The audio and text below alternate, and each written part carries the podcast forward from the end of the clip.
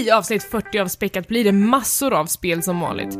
Vi har spelat Golf Story, Steam World Dig 2, Divinity Original Sin 2, Cuphead och inte minst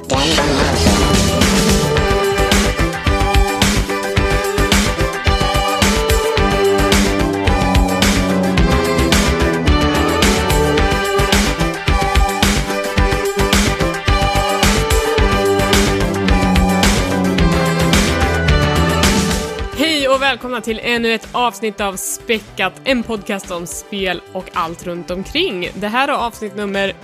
Är det sant? Är det 40? Ja, det är det. 40! Det är 40. Jajamän. Vad har vi på 40? Var det inte 40 Metroids man skulle... Ja, 40 Metroids i, i Samus Returns. Ja, det Ja. stämmer bra. Precis, och Ah. därför är det här avsnittet tillgängligt till... Metroid spelet. Samus Ja. Returns, som jag har spelat klart. Det pratade vi om i förra avsnittet. Jag heter Elisabeth och med mig har jag som vanligt Tommy Hej, och Niklas. Hej! Och hur mår du Tommy?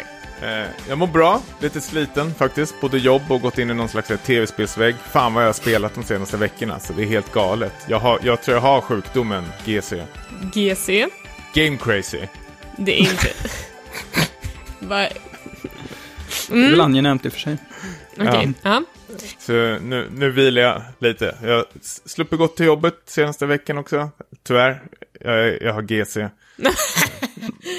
Kan du sjukanmäla det? Ja, det är någon slags här alkoholism 2.0 nästan känns som. Måste Ah. spela.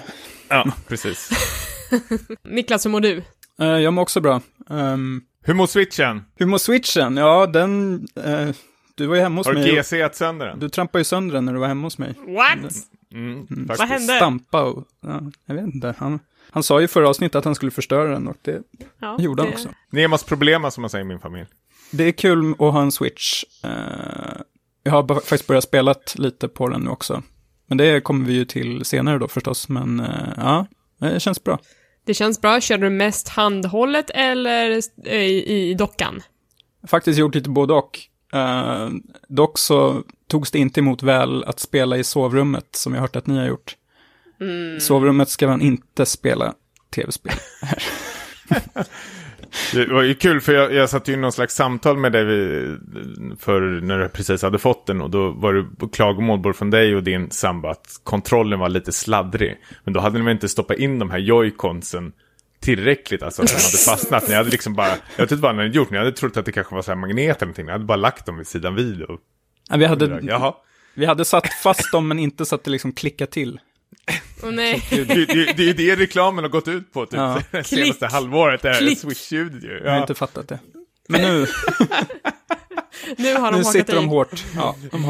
Och nej, nej, nej. Har, har ni gjort den där grejen när ni har satt eh, dem på fel sida så att de fastnar och aldrig går att få bort? Nej, som tur är inte. Ja, jag laddade ner en tutorial innan, jag var så jävla nervös för det. Plus går med plus och minus går med minus. Det är den bästa tumregeln som vi inte lyckades följa det första vi gjorde. Så att Är det så? vi, ja, den, den fastnade första, de första dagarna. Hur, Ja. hur är det med dig då, Elisabeth? Nej, det är bra. Eh, Jag har också spelat extremt mycket, men jag har hunnit göra lite andra grejer också. Jag har varit på Ghost eh, på Gröna Lund. Någon slags eh, säsongsavslutning på konsertsommaren, det var svinbra. Och sen så är det ju oktober nu, och det blir liksom lite av en temamånad i lite olika kretsar. Spelutvecklarna har nu myntat hashtaggen Blocktober, där de visar upp greyboxes av liksom olika spelbara banor. Och då, då greyboxes är liksom de väldigt, väldigt eh, eh, ofärdiga testmiljöerna av banor som bara är liksom block och polygoner. De har liksom inte lagt några fina texturer på den, utan bara så här, så här ser det ut innan det är klart. Eh, så det är väldigt många spelutvecklare som har typ eh, chippat in och visat upp hur några av de coolaste spelen vi har eh, ser ut innan de är färdiga. Så det har varit tufft. Men för min del så är det Inktober som gäller och då är det liksom hela eh, tecknar, illustratör, communityt har ägnat månaden oktober till att bli duktigare på bläck och göra liksom line art. Så eh, då hade jag tänkt att jag ska vara med i den för första gången och eh, då tecknar man liksom en teckning om dagen under hela oktober månad. Mhm. Eh, bara liksom för sin egen skull. Utmana sig själv lite grann. Har du något upp, uppslag vad du ska rita då? Är det, blir det tv-spelsrelaterat eller? Ja, alltså, det, det kommer ut lite olika promptlistor innan den här månaden, så att eh, det finns liksom en officiell lista på olika teman man kan förhålla sig till och då är det väldigt lösa nyckelord. Typ Swift var första, första dagen och andra var Divided. Eh, och den, det är den här listan jag går efter. Men sen finns det ju andra som, som har gjort egna promptlistor som, som de känner passar dem bättre. Men eh, jag vet inte, jag kör lite blandat, det som kommer till mig. Första dagen gjorde jag en bild på Tracer, så det blev väl lite spel, tänker jag. Ja. Kul. Eh, jag har inte målat på, på jätte- jättelänge för att jag har haft en eh, skada i mina handleder. Så att nu när det känns mycket bättre så känns det kul att komma tillbaka i det lite grann. Men eh, jävlar vad ringrostig man är. Det försvinner som allt annat. Kan vi hitta har du tillbaks. streckgubbar, jag och Tommy. Ja. Ja. Vi Vad, vad har du för temamånad, Niklas? Eh, Öl och pissmånaden? ja, men jag läste någonstans att man skulle ha, liksom, inte dricka alkohol i oktober. Varför just eh, det? Eh, jag vet inte, det kanske var bara någon jag läste som skulle ha en vit månad. Tommy, har du någon temamånad? G- Gesub Ober. Vet du vad det är, Niklas? Vad sa du? GC och... Gesub Ober? Nej, vad är det? Game Crazy October. Jaha. Alltså man ska vara spelgalen typ en hel månad. Men jag tjuvstartar och kör i september. Coolt. Sober October är det ni tänker på va? Jaha! Oh, this makes much more sense. Sober October, det rimmar. Där har vi det. Ehm, ja, Icke! nej, vi har inte en Sober October här inte. Nej. Nej. Eh, men, eh, ska vi köra vidare med lite saker som har hänt i spelvärlden? Kör. Kör, okej. Tommy, är det du som har skrivit första punkten på listan? Ja, det är det. Ja, berätta. Det kom ut eh, nu, idag faktiskt, att eh, Sonic, alltså Sonic-spelet då ska bli nu en eh, live action-film. Ursäkta. Och, ja, precis. eh, alltså, för, för det första måste jag säga så, här, så fort jag hör att något tv-spel eller anime eller vad som helst ska bli, alltså de här orden, live action, då, då kräks jag och så blir det helt nattsvart. Det, det ordet är fan det värsta som finns alltså. Mm. Men vi är- vi är det? ju Det klingar brända. inte alls bra. Vi är ju brända av tidigare erfarenheter, nästan alla i nördkulturen. Mm. Vi vet ju att det blir sällan bra. Det blev aldrig bra. Jag Nej. kan inte komma på något. Det var ju någon Silent Hill-film som var okej. Men eh, längre så. Nu kommer ju också den här Tomb Raider-filmen eh, med Alicia Vikander va? Ja. Precis, som har fått, eh, jag- vet inte, jag har inte tittat så jättemycket på den, men jävlar vad fansen är förbannade för att hon inte har eh, lika stora bröst som original eh, Lara Croft. Men jag trodde att den här adaptionen av Lara Croft skulle spela mer på de senare spelen när hon är Ja, men det lite har ju inte yngre de och så vidare. fattat. Nej, okej, men okej. Jag förstår. Det är inte Angelina Jolie och då får det vara. Nej, det, det skrev de också. Det här är ju inte Angelina. Vad är sillisarna? Jesus Christ. Ja, jag vet. Det, det var lika nattsvart där borta. Mm, Eh, jag förstår. men jag vet inte. Jag, jag tycker inte det låter så jättespännande med Nej, men en just Sonic. Sonic, hur? Hur ska de göra det? Ja, Jag vet inte. Ska de CG-animera en, en, en ekorre, tänkte jag säga, en, en igelkott? Liksom, det blir ju inte, det blir ju inte live action för att det kommer ju vara specialeffekter hela vägen igenom ändå. Jag vet inte om det blir någon slags Space Jam-lik. Oh, tänkte också nej. Ja. Få det animerat, krocka med, jag vet inte, vem är snabb? Typ, eh, ja, Usain Bolt. ja precis. Så har de någon grej tillsammans där. We gotta save the world, we gotta run! Jag vill ta tillbaka den här genren, du vet det där Space Jam, Roger Rabbit, alltså de, de eh, filmerna är helt fantastiska. Men eh, jag vet inte, tror ni på det här? Nej, inte Sonic. Nu känner jag att nu har vi nått någon slags gräns. Ja, jag vet inte. Nu är det Paramount som har köpt upp eh, rättigheterna. Men jag tycker, nu, nu vill jag inte sett de mycket spelare till, men det kommer också även ut eh, i dagen att den här anime-filmen Your Name eh, också ska bli liksom eh, en live action. Eh, här med J.J. Abrams som ska liksom ta över, producera då. då. Det tycker Du- jag också känns så onödigt. Alltså, jag vet inte vad det är med Hollywood och inte bara kan låta anime vara anime liksom. Utan de bara, vi måste översätta det här så folk förstår. Man bara, jo men de kan också titta på en tecknad film med subtitles. Det går alldeles utmärkt. Men jag tror där är väl lite allt stavas med pengar. När man har sett vilken stor succé Your Name har blivit. Det är väl den bästa säljande, liksom, eller mest tittade, eller vad säger man, box office-mässigt eh, anime, eh, tror jag väl. Och då ser de en chans på direkten att tjäna lite extra pengar på det här. Det är rätt så kul för det är rätt så många japaner på Twitter som har eh, skickat ut massor med memes om det här, hur det kommer se ut. Och det ser ju, ah, det var väl typ det enda bra vi har fått ur det nästan. Okej, De är är, de, peppade, är de hype eller?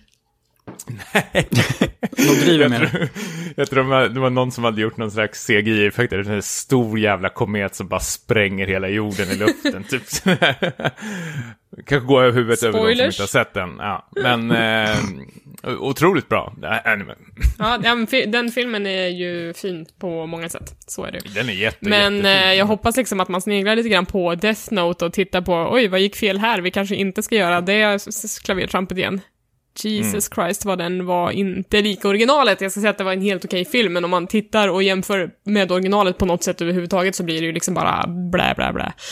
Eh, den heter för övrigt Dödens anteckningsbok på Netflix. Det är väldigt roligt. det låter så här skräckinjagande. Ja, vad kommer Sonic? Sonic Igelkotten. Oh, gud. Uh, annat i, i nyhetssegmentet är väl att uh, röstskådespelarstrejken äntligen är över. Det känns fint och bra. De fick inte igenom alla krav som de ville ha, men, men eh, de har liksom hittat någon slags medelväg som alla kan gå med på. Eh, till exempel så vill de ha eh, kortare sessioner, det vill säga att de kan inte stå en hel dag i inspelningsbåset och skrika för att det förstör rösten på, alltså det är superskadligt. Eh, och att de också får betalt för hur många sessioner de står i båset. Eh, de hittade någon slags lösning för hur mycket tid de har lagt ner istället för en royalty-lösning som de egentligen ville ha. Men royalty-lösningen gick väl igenom fast till en viss Ja, till viss del. Det är inte liksom, pr- inte så som de föreslog från början, men det blir liksom någon slags eh, kompromiss där. Precis, beroende på hur mycket de säljer eh, var det väl. Och så var det väl maxtak på 3200 dollar. här Ja, du har ju bättre koll än jag till och med. Eh, en annan grej som de, som de krävde var att de ville ha någon slags eh, koll på, eller de ville komma runt sekretessen runt spelen, att de vill veta om det är liksom nästa Elder Scrolls de signar upp sig på, eller om det är ett litet jävla skitspel, för att det påverkar ju vilket gage man vill ta för, för sitt arbete. Eh, för det är ofta så att folk inte ens vet vilket spel det är de spelar in för när de står och läser in sina repliker. Eh, Dels också för kontexten också var väldigt viktigt. Ja, det är också Att viktigt liksom att vad det är för eh, slags karaktär och sådär. Ja, att de liksom börjar dra några lines och helt plötsligt säga oj, jag var visst en eh, snubbe som hade nazistiska åsikter. Jo, precis. Så- Eller att du ska spela in en sexscen eller en våldtäktsscen eller vad det nu kan vara som du inte är med på från början att, att, det, ska, att det ska ske. Eh, Så sådana grejer vill de att eh, det ska bli mer öppet med. Men spelbranschen förbehöll sig att inte behöva säga exakt vilken titel det handlade om, men de kommer behöva dela med sig av till exempel kodordet eller om det är en eh, återkommande roll som de har spelat förut eller om det är i en befintlig serie som, som redan finns. Så att eh, lite mer information kommer det bli. Så det tycker jag är bra. Verkligen. Mm. Så nu kan vi äntligen se Jennifer Hale komma tillbaka in i, i spelvärlden. Hon har ju varit en så här superambassadör eh, för hela den här, eh, det här initiativet och därför har hon också lyst med sin frånvaro i spelbranschen på sistone. Känd från Mass Effect. Ja, men precis. Fem köp i Mass Effect originalserien, bland annat. Eh, har ni spelat någon PUBG på sistone? Ja, det är det, är det som får liksom, maten på bordet, om man säger så. Ursäkta, tjänar du pengar på att spela PUBG? Nej, men man får ju lite chicken dinner ibland. Det är helt sant. Det var smart, va? Ja, mm, mycket eh, klyftigt. Har ni hört Roligare några... än så här blir jag inte, kära lyssnare. Vi har nått toppen, det är bara att stänga av avsnittet, det blir inte roligare än så här. Eh, nej men, eh, har ni hört några arga kineser i, i röstchatten? Va? Oj. Det här, jag har ju, kineser har jag hört, men inte arga arga. inte. Okej, Eller De har ju kommunicerat när man haft sån här open game chat, när Just man det. har att man kommer nära. eh, det är ju tydligen så att kineserna har börjat svärma de europeiska slash amerikanska servrarna, vilket innebär att eftersom de har så, så hög ping så liksom segar det ner eh, spelet för alla andra, plus att de har lagg, vilket gynnar dem. Eh, för att om man själv är den som laggar så, så får du liksom övertaget i, i skottlossningar på något sätt. Där har jag fått, återberättat av mig av en kollega. Men eftersom det nu blir så, så mycket uppkopplingsproblem och att det segar ner spelet så mycket så har eh, Playrunnons Battlegrounds lagt in reklam i spelet för kinesiska användare där det står prova den här VPN-tunneln när du spelar Player Unknowns Battlegrounds så att det kanske inte segar ner för alla andra. Och nu är alla kineserna jättearga för att det är reklam i det här spelet och har typ review-bombat Player Unknowns Battlegrounds på Steam. Så att nu är det liksom supernegativa recensioner och allting har kommit inom loppet av bara några dagar. Uh, och det här är ett problem för Steam sen långt tillbaka. Att så fort spelare är sura så lämnar de dåliga recensioner på Steam och får det att se ut som ett, liksom ett dåligt spel. Det här hände ju också under hela den här Pewdiepie-fadäsen som vi pratade om i förra avsnittet. Eh, Firewatch fick ju in ganska mycket Ja, Det är skit. ett väldigt svårt eh, jobb där som Steam har. Alltså, samtidigt som jag älskar de här Steam-recensionerna och tycker att de ska vara så finns det samtidigt ett problem när man liksom drar ner ett spel sådär. Och då blir ju Steams jobb och liksom håller på att rensa. Men det kan vara otroligt jobbigt om det är liksom 5000 kommentarer bara på ett spel som bara är liksom tummen ner bara för att. Men samtidigt älskar man ju sådana här små recensioner där det är någon som har spelat Dota i 3000 timmar och skrivit typ att I hate this game. Enbart. Jag, jag, jag älskar, sånt, och det är ju inte så här, det är ingen konstruktiv kritikrecension eller någonting, men jag gillar ändå den typen av recensioner, så det är väldigt svår balans där samtidigt. Alltså varför ska den tummen ner vara eh, få vara kvar då, men samtidigt som de andra inte ska göra det. Mm, och, så, och, och, och Steam har ju infört lite olika grejer för att liksom försöka nyansera hela den här grejen för att du kan ju antingen ge tummen upp eller tummen ner, men nu kan andra användare rösta på om recensionen är hjälpsam eller inte.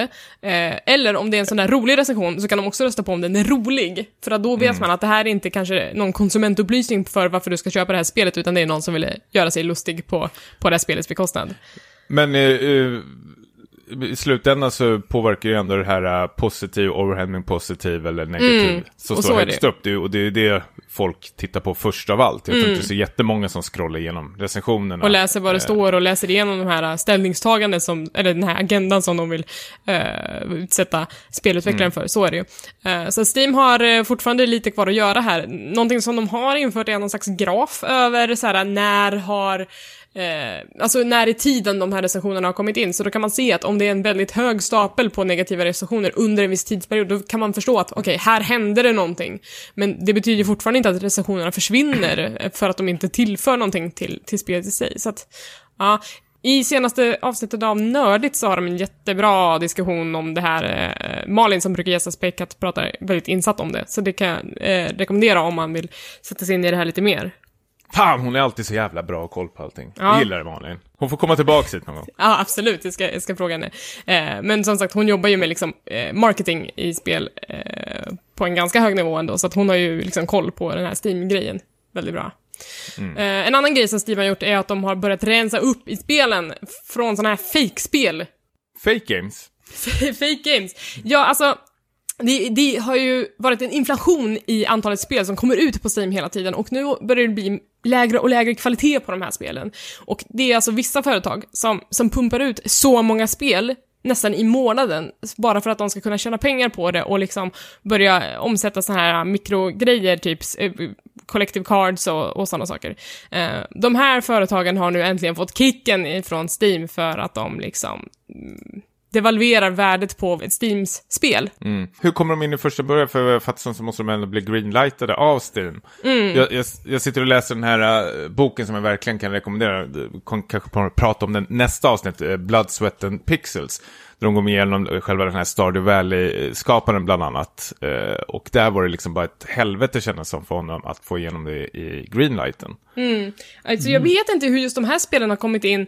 Dels måste man betala någon slags summa för att ens få in spelet i någon slags ansökningsformulär. Så där, må- redan där måste du betala typ 100 dollar tror jag rätt, att det är. Eh, och sen vet jag inte liksom hur många av spelen som måste gå igenom greenlight-systemet, för att jag kan tänka mig att etablerade utvecklingar måste inte gå den vägen. För att liksom, eh, du ser ju inte Activision, eh, nu använder inte de Steam, men du ser inte till exempel Paradox gå in och bara "Eh, kan ni greenlighta vårt spel snälla, utan de kommer ju in. Så att det, det finns ju något slags system här som måste ha utnyttjats. Ja, verkligen. Men undrar vad det för folk samtidigt som köper de här skitspelen som man redan ser på direkten att det är skit. Alltså så fort jag är, nu så- såklart, nu pratar jag om mig själv, mina egna erfarenheter, men så fort jag är lite osäker på ett spel så kollar jag alltid upp det. känns som en recension, det finns recensioner ute, det finns någon videoklipp på YouTube, jag kan titta på det, någon som streamar det på Twitch liksom. Det känns ju väldigt liksom farligt att skjuta från höften och köpa spel. Plus att de har det här, äh, vad är det, två timmars ångerköpet på Steam också. Precis. Det kan väl vara så Men det att är det väl mikrotransaktioner som du säger Ja, också. precis. Det kan vara gratisspel med mikrotransaktioner i till exempel. Så att är det gratis, man bara drar hem det liksom och kollar vad det är för någonting. Ja, men, men det är alltså så här superlåg kvalitet på dem i att de återanvänder assets i, ifrån spelmotorn. Alltså de gör inte ens sina egna grafiska assets i spelet, utan bara använder stock som finns. Så det är Mm. Och väldigt, sen har du väl väldigt... säkert något så här jävla fusknamn också. Pock, Pocke, Pocke, vad fan kan det vara? Pocke R- R- Runster. Eller någonting sånt där. Tänk på här, åh, det här kanske är någon spirituell uppföljare till Pokémon. Ja, Nej. kanske. Men eh, gött med lite uppstädning i Steam. Nu får de bara se till att städa upp i recensionerna också, så skulle jag bli glad.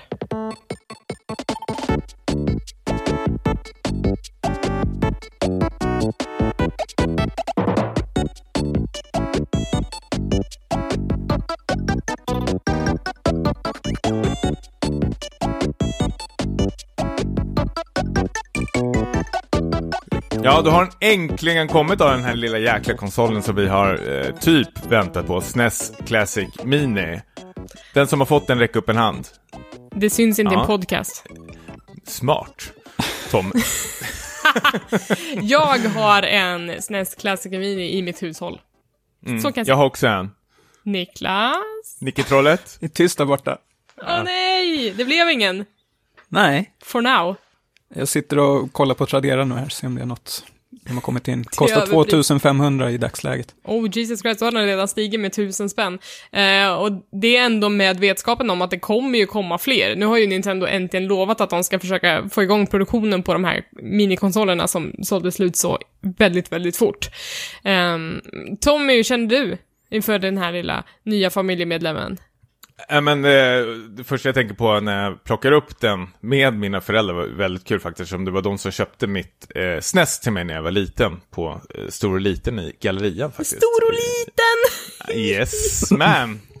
Eh, De, mamma lämnade mig framför ett Super Nintendo på Stor och Liten så fick jag stå och spela Super Mario World. Sen sa hon, ja men vi köper den här jävla skiten då. Så fick jag en SNES. Men eh, den är ju otroligt eh, gullig. Det är ju, den är ju lika stor som en eh, hand nästan, eh, faktiskt. Och, eh, ja, vad, är, vad ingår det? 20 spel, 21 spel med Star Fox 2. Någonting i den stilen. Jag har inte koll på det exakta talet. Ja, nej men det är väl, eh, bland annat är det väl de här, det är, ju- det är väl liksom det här klassiska biblioteket då.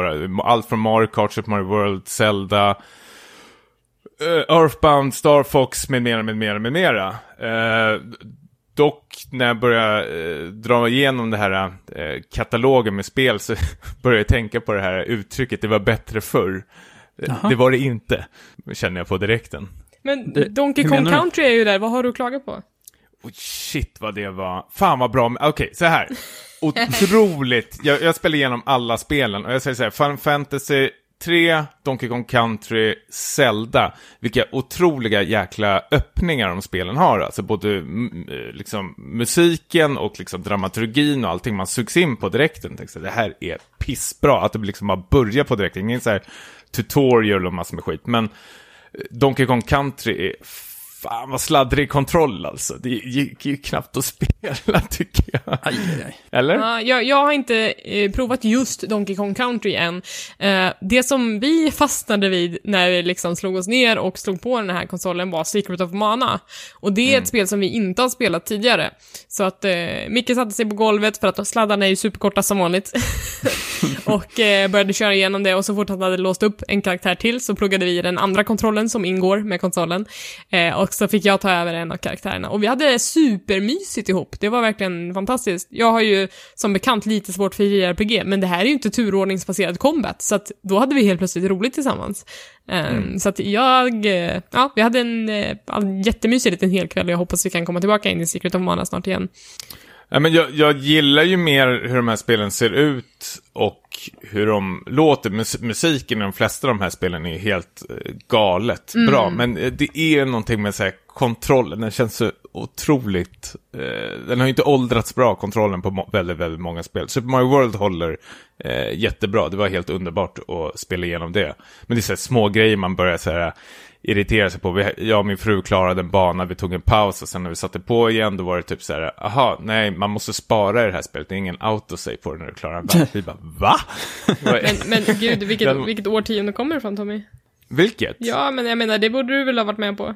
Nej, men jag tänker ändå att det måste väl finnas någon slags autosave. Det finns väl på Zelda till och med eh, när du kör igenom det. Men eh, de har ju lagt till save states eh, i Precis. den här SNES-konsolen, så det går ju att spara Mm. manuellt. Ja, men det upptäckte vi sen. Eh, det var ju inte världens lättaste att, hitta det och fungera, hur det fungerar. Men jag gillar också det här att du kan Eh, den spelar ju in hela tiden, vad är det? Det beror på vad det är för spel, men allt från 30 minuter till ja, 5-10 minuter. Och då om du spelar en bana och du dör, då kan du alltid gå in i den här menyn och liksom spola tillbaks tiden istället för liksom börja om helt från början. Men då gäller det att liksom trycka på den här reset-knappen på den här konsolen då, då för att komma ut i menyn. Och sen ska man in en liten extra meny till. Eh, så det vore skönt om den hade, och jag förstår att de vill behålla det så autentiskt som möjligt, men kanske bara någon home-knapp eller någonting på den här kontrollen så man bara kunde snabbt komma ut i eh, menyn. Just nu det. vill de att den här snessen ska sitta i knät på en, eller att man ska göra som det här. Man gjorde när man var liten, att man var tvungen att resa sig upp ur soffan och gå fram och trycka på liksom reset eller power eller någonting. Ja, men jag tycker ändå att det funkar ganska bra med den här save state-grejen. Eh, varje spel har ju eh, fyra slots för save state, så att du kan liksom ha hur mycket som helst igång. Om man, om man ser till utbudet då, eh, finns det några sådana här klassiker här som ni inte har spelat tidigare, som ni nu liksom har chansen att, eh, att åtgärda? Jag har ju inte spelat Super Metroid till exempel, det är en sån här skäm, skämmis. Mm, ja, massor för min del. Jag hade ju bara Donkey Kong Country på mitt Super Nintendo tror jag, när jag, när jag väl hade ett sånt. Eh, så Met- Metroid är ju absolut ett sånt. Castlevania skulle jag också vilja köra igenom. Uh, Metroidvania är kanske min genre, helt enkelt. Låter Jag har inte klarat Earthbound, jag har ju spelat det några timmar in på så här äh, emulator, men jag har aldrig eh, kört igenom det spelet, så det är väl mitt. Eh, men jäklar, och Super, Super Metroid, det håller förstås fortfarande. Det var helt underbart att, att spela om det. Jag har förstått att Super Mario RPG är ganska bra också. Men eh, jag vet inte Det hur ett bra det har åld- spel. åldrats, kanske. Får se. Ja, det provade jag faktiskt inte. Det spelade jag helt sönder, så det, jag vet inte, jag tror fortfarande så här trauma från det. nästan. Har du låst upp eh, Star Fox 2 än då? Nej, jag spelade Star Fox ett, Alltså det här var ett av mina favoritspel till Super Nintendo. Och bara, Jesus fucking Christ, det här går inte att spela. Det var, alltså jag, jag, jag, alltså jag skulle vilja liksom titta, alltså spåra tillbaka tiden och se hur jag klarar de här banorna. För jag, jag var ju mästare på det där spelet, kommer jag ihåg. Jag klarade de där banorna hur lätt som helst. Alltså nu, jag bara flög in i allt jävla skit som fanns. Jag kunde inte träffa, alltså jag var sög så hårt på det där spelet. Så jag, jag tror kanske mest av det här att jag liksom småsågar de här är för att jag kom, på mig själv att jag är så jävla dålig nu på de här spelen. Att det blir liksom skämmigt. Ja, men det blir ju också ett helt annat mu- muskelminne man måste liksom åkalla när man kör de här spelen. Det är inte riktigt samma Men prov, som... provade du Star Fox, Elisabeth? Nej, inte, inte på oss nästan, nej. Uh, Jag... Det var ett Star Fox som jag drog hem till Wii U. Star Fox 64 tror jag det var. Men det hade inte heller åldrats jättebra. Nej. Det är också otroligt bra musik. Men hur, hur gör man för att låsa upp Star Fox 2 då?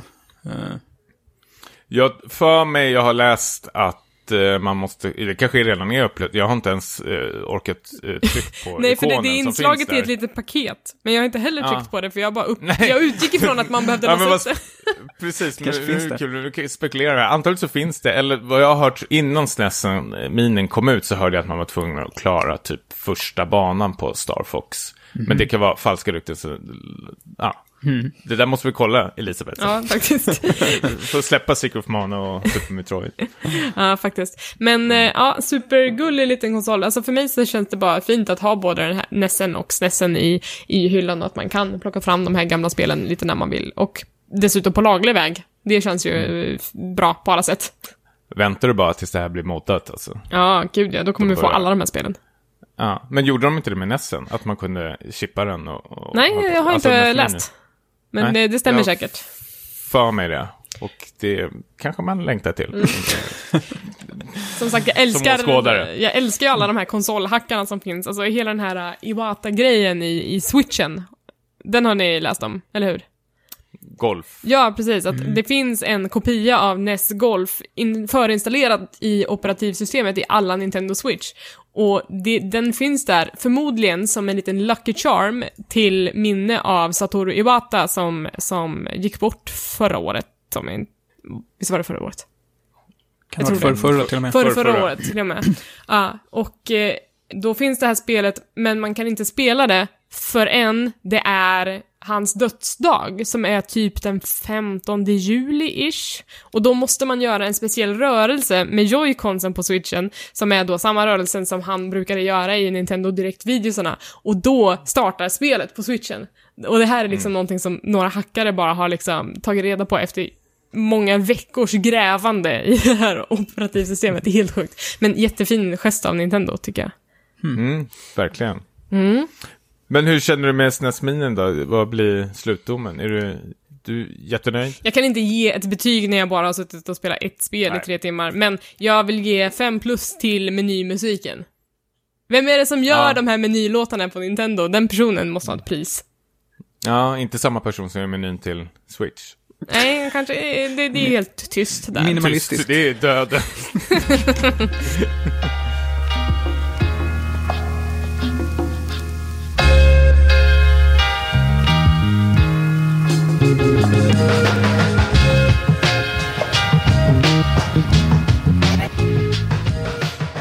Okej, då ska vi prata lite om spelen vi har spelat.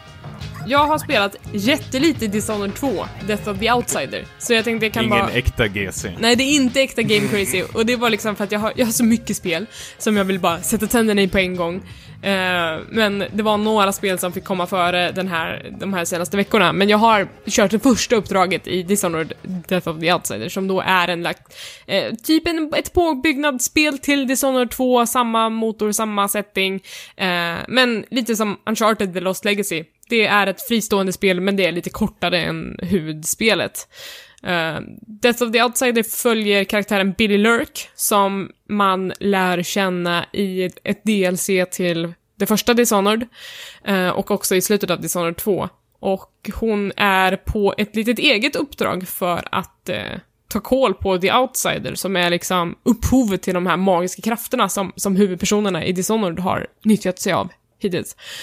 Och det som är lite speciellt med det här spelet är väl att hon själv har inte riktigt de här magiska krafterna som man har eh, rört sig med innan, utan man måste ta sig runt på lite mer manuella sätt.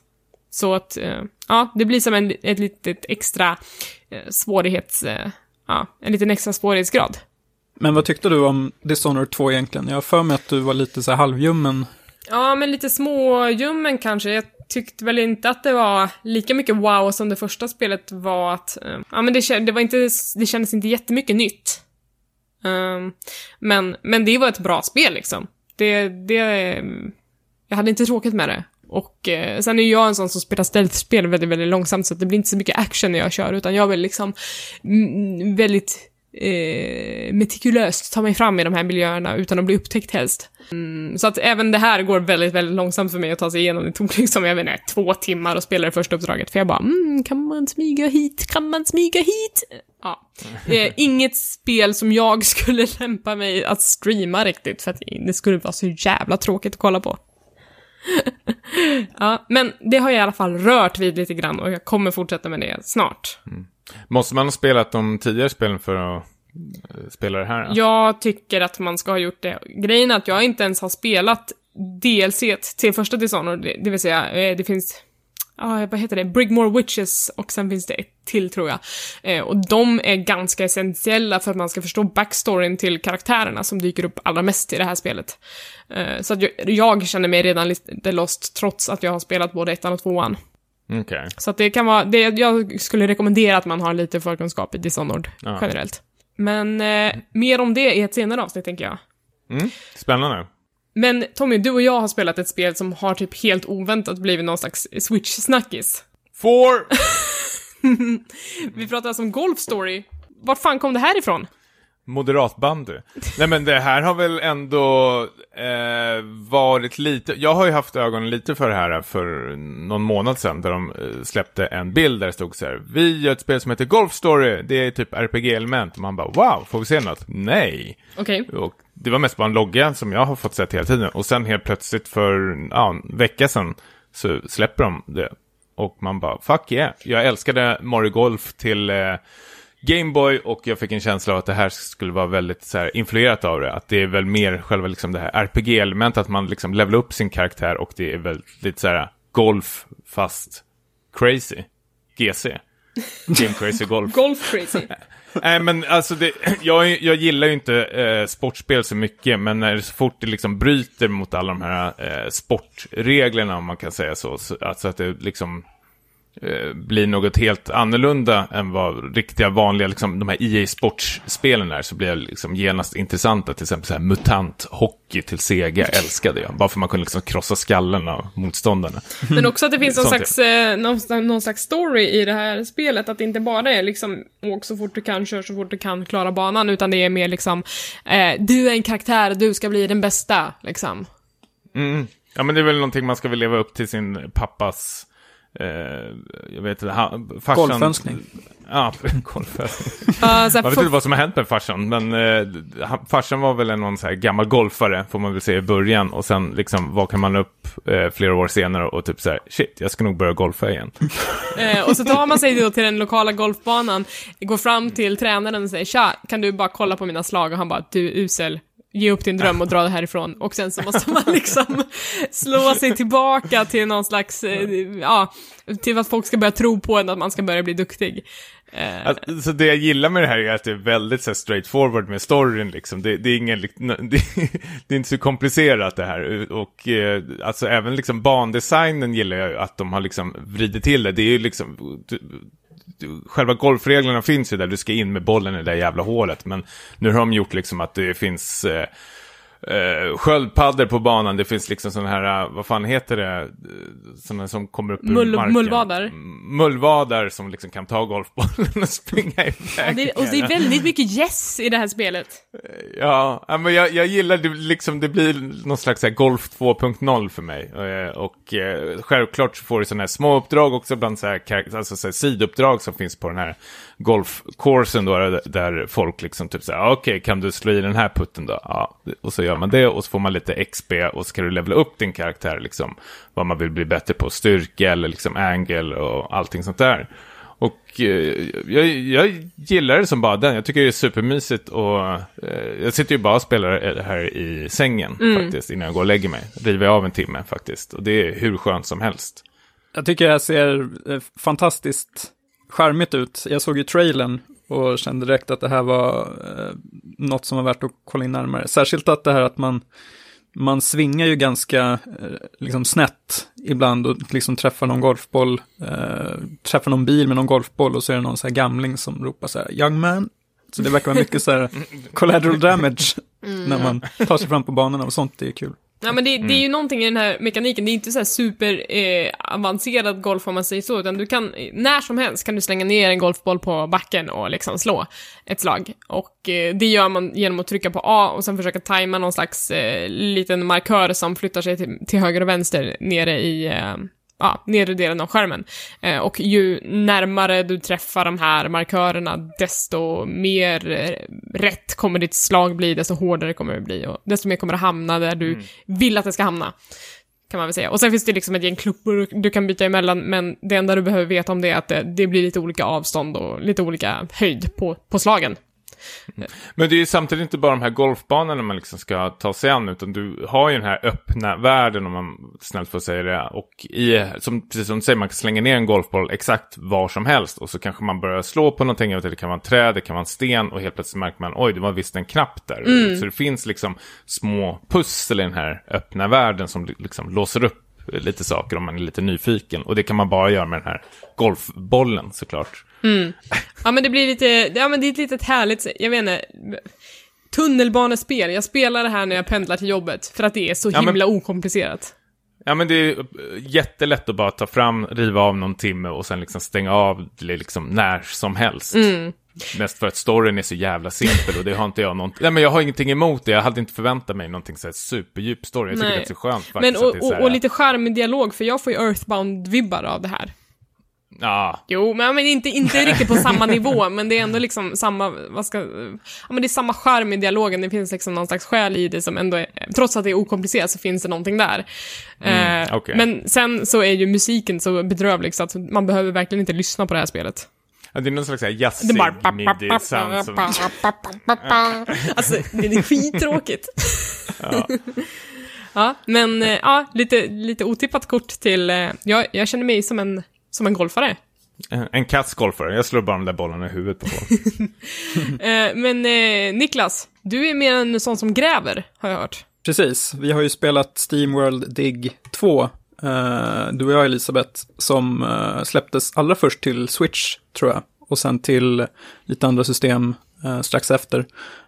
Och det är ju då den här Göteborgs-studion, Image and Form tror jag de heter, som eh, har byggt upp ett litet franchise i den här eh, Steam World-världen då som de, eh, som de har. Som är någon slags, så här, jag vet inte, steampunk möter vilda västern. I alla fall i det här spelet. Och alla är robotar liksom. Alla är robotar. Och eh, den man spelar, det är då eh, en, en liten robottjej som heter Dorothy, som är någon typ av prospektör helt enkelt, som ska liksom eh, eh, ägna sig åt gruvdrift i den här staden. Heter den El, El Machino, eller vad är det? Ja, jag tror det. El, Jag, säger Någon- El, El Machino, men det kanske inte är rätt. Ja, El Mac, det blir en sån här McDonalds. El Maco. El Maco-grej. Eh, hon kommer dit i alla fall och ska eh, leta efter sin försvunna kompis Rusty, som då är han som man spelar i det första spelet. Men gud, hur många pounds ska de få? Oh, there's a lot, don't you worry. Ja, exakt. Så det här är ju något för dig, eventuellt. Många roliga Ja. pans. Har du spelat, har du spelat första Steamworld Dig? Nej, det här är det första. Ja, inte, inte jag heller, men jag gav mig in i tvåan ändå. Tyckte att det funkar Mm. väldigt bra. Storyn är ju inte så här super, liksom, avancerad antar jag att man liksom måste hänga med sen tidigare. Men jag antar att vissa kanske har något typ av band till den här äh, försvunna kompisen då, som man blir extra motiverad till att leta upp honom. Äh, och det gör man genom att äh, göra diverse uppdrag för de här invånarna i staden. Men alltså det är ju, det är ju främst att man ska gräva sig ner i den här stora gruvan och utvinna mineraler helt enkelt. Så att du sen på det, det här är ju ett sånt där Metroidvania-spel återigen, kan vi ju avslöja. Och då, då på sedvanligt manér så upp, uppgraderar man sin utrustning och får nya förmågor så att man då kan gräva ännu djupare och Mm, eh, men också gå girigare. tillbaka till gamla grottor som man kanske inte har kommit, eh, kunnat komma in i. Eh, men helt plötsligt så kan man det om man nu har den här nya förmågan. Lite backtracking och sånt, ja precis. Som hör genren till, Mm. kan man säga. Men, men det är någonting i det här grävandet som, som fick mig att bli lite så här. Mm, när man gräver och, och letar efter mineraler, då tänker jag Minecraft. Och då tänker jag att det ska vara någon slags evighetsspel, att jag, om jag vill, skulle kunna gräva hur långt ner som helst, hur brett som helst. Men de här banorna är ju extremt designade, så att vid någon tidpunkt så kommer det ta slut på mineraler, vilket gjorde mig väldigt besviken. Man bara, åh, nu måste jag gå och ta storyn, för nu finns det verkligen ingenting kvar här att gräva upp. Jaha, Eh, okej. Hade du samma känsla? Jag tycker nog lite tvärtom, att jag tycker det är skönt att det finns en, liksom tydliga ramar som man ska hålla sig Mm. inom. Det kanske är Men- bara jag som behöver gå tillbaka till Minecraft och sluta gnälla. Kanske, kanske är det så. Uh, Men är det kul då? Alltså jag tycker det är kul, alltså man, men det är lätt att, att fastna i det här liksom samlandet för att man vill låsa upp nya förmågor och så. Sen så eh, kan jag väl kanske tycka, nu har jag inte spelat jättelänge, men att det, det håller sig lite väl inom de här uh, metroidvania ramarna Än så länge tycker jag inte riktigt att det liksom eh, gör någonting riktigt vågat. Det behöver det kanske inte göra heller, men om man jämför med till exempel uh, Owlboy som jag spelade förra året så tyckte jag det kändes mer som att det hade en så tydlig egen identitet jämfört med Steamworld Dig 2. mm. Jag vet inte vad du tycker Elisabeth. Eh, Jag kan hålla med om att det kanske blir lite mellanmjölk på, på vissa sätt. Att det inte är en superengagerande story och det är inte superengagerande gameplay, men man har ändå, eller jag har ändå väldigt kul med det och, och eh, det var lätt för mig att vilja plocka upp spelet igen och fortsätta där jag, där jag var och liksom ta mig ända in i mål för att jag hade, jag hade roligt även om det inte var liksom det bästa jag har spelat eller det roligaste jag har spelat. Men, men det finns någonting där som har en härlig, jag vet inte, ett härligt driv. Mm. Så att jag hade, ja men jag hade Ja. kul. Det är inte långt och det är inte komplicerat liksom. Har du hittat Rusty då? Eller hur länge Jag har hittat Rusty. Jaha. Eh, mer säger jag inte, jag vill inte spoila någonting. eh, Ja, nej men eftertexterna har rullat för mig. Det är kanske, jag vet inte, sex, åtta timmar. Inte långt alls. Men Ja, eh, okej. ja, en fin handhållen titel och som sagt, jag hade kunnat spela mycket längre om det fanns mer att gräva i, men det fick jag inte. Mer och gräv. Ja. Ja, gräv, gräv, gräv. ja, Mm. men eh, jag tycker det är fint att det börjar komma alla de här små titlarna till Switch som man har eh, längtat lite grann efter. De har ju haft mycket sådana här Nintendo Directs där de har visat det de kallar för Nindies, eh, det vill säga alla indiespelen. Men, men eh, ja, nu är det dags för dem att börja ploppa upp i butiken faktiskt.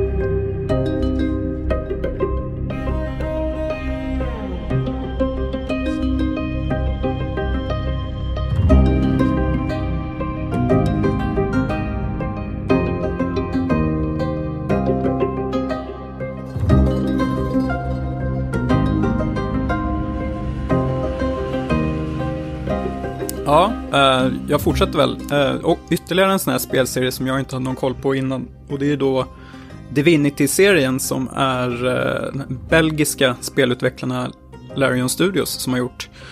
Och eh, de slog väl igenom då med Divinity Original Sin som var ett väldigt hyllat, eh, lite ja, fantasy-rollspel då kan man säga. Det kom för typ tre år sedan va? Ja, exakt. Och det, grejen med det var väl att man spelade som två karaktärer och att man kunde köra co-op om man vill. Tror jag. Ja, man kunde köra, jag körde co-op med min bror Mm. på det spelet. Faktiskt. Så att det blir liksom en liten annan take på den här, vad ska man säga, Baldur's Gate-arvtagarna. Mm. Exakt. Och här har de, har de ju då expanderat den biten till eh, att man kan vara fyra stycken eh, och spela co-op. Så för de som gillar sådana här spel men liksom alltid har drömt att köra ett helt gäng så är, nu, har man, nu har man chansen. Um, jag ska säga att jag inte har kommit jättelångt men vi kan ju ändå nämna att det, är- det är en sån här eh, klassisk fantasy story som om man har spelat Baldur's Gate kommer man eh, säkert känna igen sig uh, i att i, i den här världen då så, det, det är en stor konflikt mellan dels religion och dels magi. Och man själv spelar som en så kallad sorcerer, som då är, är åt det här magiska hållet. Eh, och man börjar spelet eh, i, på ett så här fångskepp på väg till någon sån här fängelsekoloni eh, tillsammans med andra sorcerers. Och sen blir det här skeppet attackerat av ett sånt här Kraken-liknande tentakelmonster och man eh, hamnar i sjön och spolas i land på den här fängelseön. Och sen börjar äventyret. Och gud vad det låter exakt som Wise 8 som jag har spelat nu. Det är exakt samma inledning. Ja, just det det. är också en kraken som kommer upp. Va? Är det det? Ja! Men, men det som jag eh, såg på Twitter dagen då det här spelet släpptes, som jag blev såhär oh, interesting, var att man fick eh, välja vilket instrument som skulle liksom genomsyra din karaktärs musik. Mm. Eh, jag har ju valt en tjej som är eh, en sångerska. Eh, jag vet inte om jag har fått välja instrument ännu. Det kan- Jag kanske Men jag tror att det var i steget. character creation. Ja, ja, jag tog en färdig vald. Åh nej! Ah, fan! Det, oh, du missar hela grejen med att rollspela Niklas, what the fuck? Ja, men jag fick, jag fick rekommenderat att är man nybörjare till genren så ta en färdigskapad kar- karaktär. Åh, Se till inte Niklas! att lägg för mycket tid på den här character creation Nicke trollet. Alltså jag laddade hem Black Desert Online för att några kompisar absolut ville spela det och då sen sitter man liksom två timmar i en character creator för att det är det som är roligt. Och sen lämnar man, lämnar man spelet. Ja, sen lämnar man spela, man spelar inte, det är bara character creation som är kul. Okej, då har du missat hela den grejen. Jag är Jag besviken poängen på dig. Åh! Det är bakläxa till det här på, till nästa avsnitt då. Jag får recensera det igen då. nu får vi börja om. Ny karaktär. besviken. Ja, Jävlar. Ja. eh, men... eh, ja, jag vet inte vad jag ska säga då i så fall. Men... Uh, Ord och inga visor. ord och inga visor. Men, men vad tyckte du om att spela spelet då? Ja, alltså det är, det är ju otroligt, eh, otroligt välgjort. Eh, ser ju väldigt så här, vackert ut och har ett fantastiskt soundtrack. Och eh, eh, till en början så tyckte jag att, alltså jag tyckte att det var svårt att eh, förstå allting. Det kän, man, man hålls inte i handen som i många andra spel, utan du liksom, du hamnar på den här ön Och sen är det bara att liksom gå och börja eh, utforska, prata med folk och leta efter skatter och kanske liksom ramla in i någon strid. Uh, har du dålig utrustning så kommer du troligtvis att, uh, att dö och så vidare. Um, men jag har, jag har faktiskt spelat lite co-op med en kompis som är betydligt mer erfaren. Och han har ju liksom tagit mig under sina vingar kan man säga. Och liksom fått in mig nu lite i tänket hur man ska spela. Eh, mm. Uh, hur man ska bete sig under striderna. Som är faktiskt, striderna är väldigt roliga. Uh, det är så här turordningsbaserat då. Och det, mm. man, kan, man kan använda sina omgivningar och det gäller väldigt mycket att hålla koll på vad, vilka element du ska använda. Till exempel du kan, om det är en fiende som har dränkts i olja, så kan du i din nästa tur kasta någon eldboll på ja, fienden så mm. tänds den på. Lite sådana här basic grejer. Um, så det, det här är ju bara liksom första fem timmarna och efter, man, det är väl en spoiler då, eventuellt, men man kan ju då fly från den här fång, fångön och då ska ju spelet... Nej, hela spelet på 60 timmar utspelade sig på den här ön. ja, tradigt. Nej, men då, då öppnas spelet upp sig, som jag har förstått det. Och det blir någon typ av större karta och du kan vara mer liksom fri i ditt utforskande. Uh, Mm. För det här är som sagt ett spel som jag har sett att folk har lagt ner liksom 80 timmar på. Så det, det är no någonting man ska, um, ja. Ta sig tiden till. Ser du, ser du fram emot det? Om jag känner dig rätt så får du typ panik så fort det klockar över 10. Nej, men eh, är det, är det liksom den här känslan att eh, man, man verkligen eh, lyckas fördjupa sig i, i det och liksom tycker att det är kul att eh, lära känna spelsystemet och hela den biten. Och liksom, det är ju väldigt överväldigande i början, men eh, jag antar att det är som med mycket annat, att det är en sån här tröskel du ska komma, komma över bara. Så kanske det blir som XCOM, att man liksom spelar en, en 50-60 timmar i alla fall. Men vi får mm. se, det blir väl liksom eh, fortsättning följer på den biten. Ja, för det här är ett spel som jag verkligen, åh gud vad jag vill spela det här. Och speciellt när man ser att folk som spelar det, så RPG-fantaster som bara, ah, det här är Goti 2017 och man bara, mm, nu måste jag spela det här spelet. Men så tittar man liksom på både förra Divinity Original Sin och på det här och kan räkna ut att det kommer ta 60-70 timmar att komma igenom. Och det, det åtagandet det är tungt, liksom, för att när man väl ska då köpa det här spelet, sätta sig och starta upp det, då, då, då vet man det. Nu är 70 timmar, det är liksom flera arbetsveckor framför mig. Eh, mm. att ta mig igenom det här spelet. Och det är, ja, det, det, är ett så långt projekt och då, då blir det som att jag skjuter upp det tills jag känner att jag har kommit till, till ro på något sätt. Samma sak med typ The Witcher, det är också ett sånt spel som jag bara inte kommer spela förrän jag känner att, ja, jag ja, har tid. Och då, och då blir det som att då blir det någon slags kö av mastodontrollspel som bara ligger och väntar, trots att jag, att jag verkligen älskar genren. Uh, men så ligger de bara där och, och väntar. Hur känns det med allt? Är det mycket snicksnack i, i det här spelet? Jag har för mig att det var det första spelet som jag nästan eh, klöste ögonen ur på mig själv. Ja, alltså än så länge så tycker jag att det håller sig på en ganska rimlig nivå. Uh, jag har ju känt lite på ett annat spel i liknande genre som heter eh, Torment, Tides of Numenera som kom tidigare år som ni kanske har lite mm. koll på. Också ett där sånt köspel. ja, men där är det ju extremt mycket text. Nästan så att liksom man inte pallar, det är gränsfall.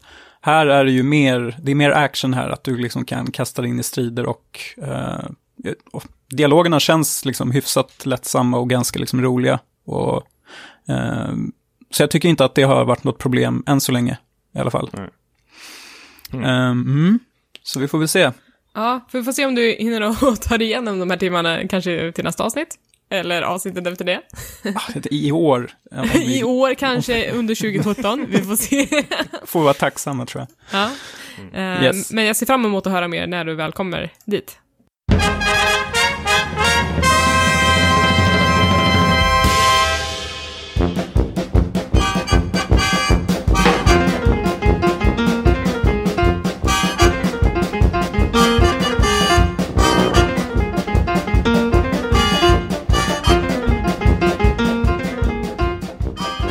Har spelat ett av mina mest efterlängtade spel. Jag tror att jag har säkert namedroppat det här spelet, jag menar, fem, sex gånger i den här podden när vi har pratat om olika E3 eh, recaps och, och eh, kommande spel som vi ser fram emot. Och det är Cuphead.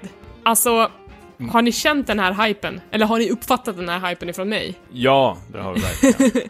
Eh, Alltså det här är ju ett spel som är ut utvecklat av en studio som heter Studio MDHR och den, den startades av två bröder som heter Jared Moldenhauer och den andra heter Chad Moldenhauer. Eh, och de här, jag tror att det är deras första spel, men att de har, de har med sig lite andra spelveteraner i sitt team.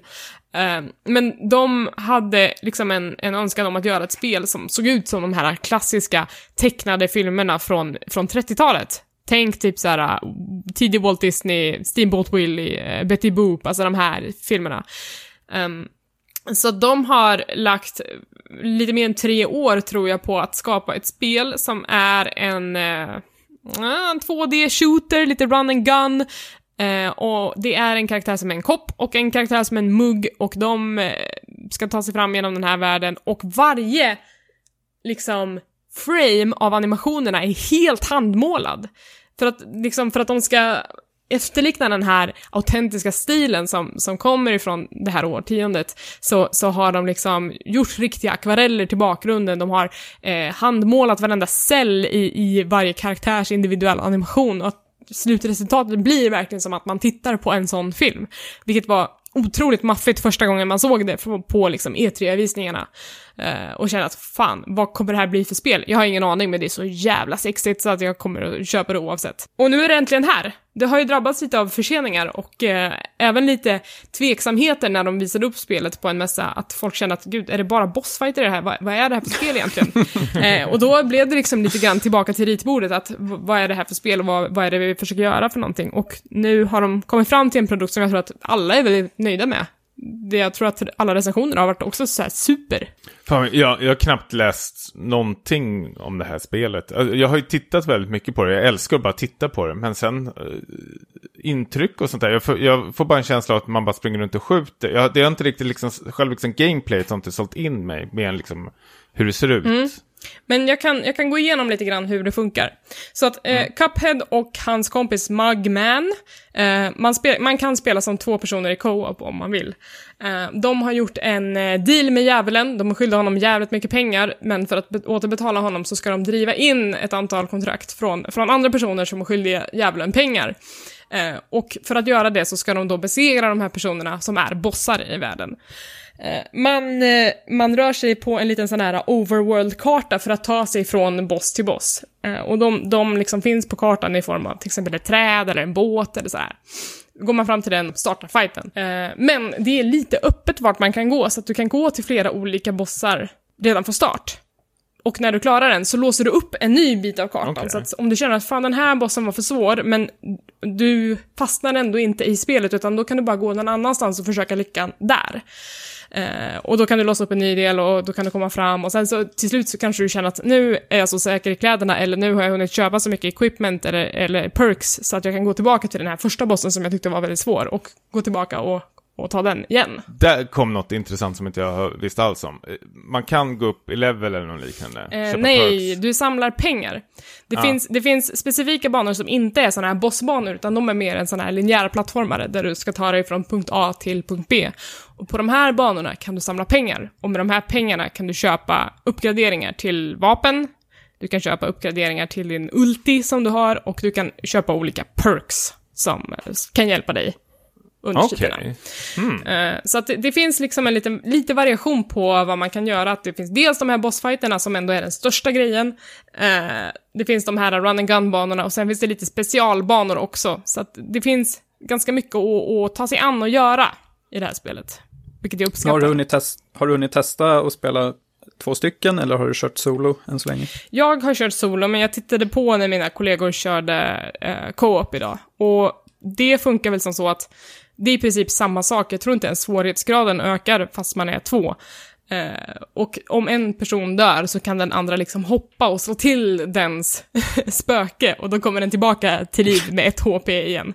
För att det finns ju inget sätt att hela sig själv under de här matcherna, utan du har tre HP, dör du så är det kört. Så att det här är mycket att eh, prova dö, prova dö, prova dö, bli bättre, träna, träna, träna och göra om och göra om och göra om. Så att det är ett ganska svårt spel, man måste ha ganska mycket tålamod för att, för att ta sig igenom de här matcherna, men jag tycker ändå att det här spelet är så belönande att man kan se att man bara, om jag bara gör det en gång till, då kan jag ta den. Nästa gång kommer jag ta det. Nästa gång kommer jag lyckas liksom. Eh, Men det... hur, hur, funkar det där när man ska spela? För jag tänker, eh, jag vet inte ens om det är, man kan jämföra, men jag tänker på Hotline Miami väldigt mycket som är väldigt svårt spel, men det handlar ett slags tempo hela tiden. Att mm. du dog så tryckte du bara på en knapp och så börjar du i stort sett du börjar om på början på banorna, men banorna är så pass små så det gjorde inte så mycket. Ja, men så... så. Eh, så är det absolut här, att du, det är inte så att du måste titta igenom en hel cutscene igen för att komma tillbaka till där du var, utan du bara kör om från början. Ja. Men är banorna långa eller? Nej. Jag tänker, är det så här att, de, nej de är inte det, jag tänkte mer om det var typ fem minuters bana och sen dör man på bossen så måste man springa igen de där fem nej, utan igen. Nej, utan när det är en bossfight, då är det liksom, då kommer du till bossen direkt. Det är inte någon transportsträcka dit, utan du säger nu ska jag ta mig an den här snubben, liksom. Och sen så ah, okay, går du in i det. Okej, det blir en checkpoint där. Ja. Och för mig kanske det tar mm. eh, två minuter att ta ner en boss. Eh, en och en halv till två minuter. Eh, och de här run and gun-banorna som då är lite mer att ta sig från punkt A till punkt B och att det finns en liten miniboss i slutet av dem. De är inte heller jättelånga, så att det... Man kan ta det i munsbitar, men tro inte att det kommer bli lätt att ta sig igenom den här munsbiten. Mm, mm. Hmm. Men hur många bossar kan det röra sig om totalt då? Eh, ja, men någon... jag gjorde typ jag har gjort klart den första världen och där var det typ fem stycken. Och det finns tre världar plus en finale.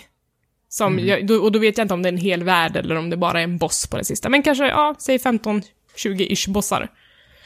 Mm, uh, okay. och så de känns genomarbetade då, varje boss? För liksom- hittills liksom... har de varit supervälgjorda och sen hjälps det mycket av den här animationen att, att alla bossarna ser så sjukt unika ut. De ser, de ser bekanta ut, man, det känns som att man har sett dem i, i de här gamla tecknade filmerna, men de är ändå helt unika och helt bananas.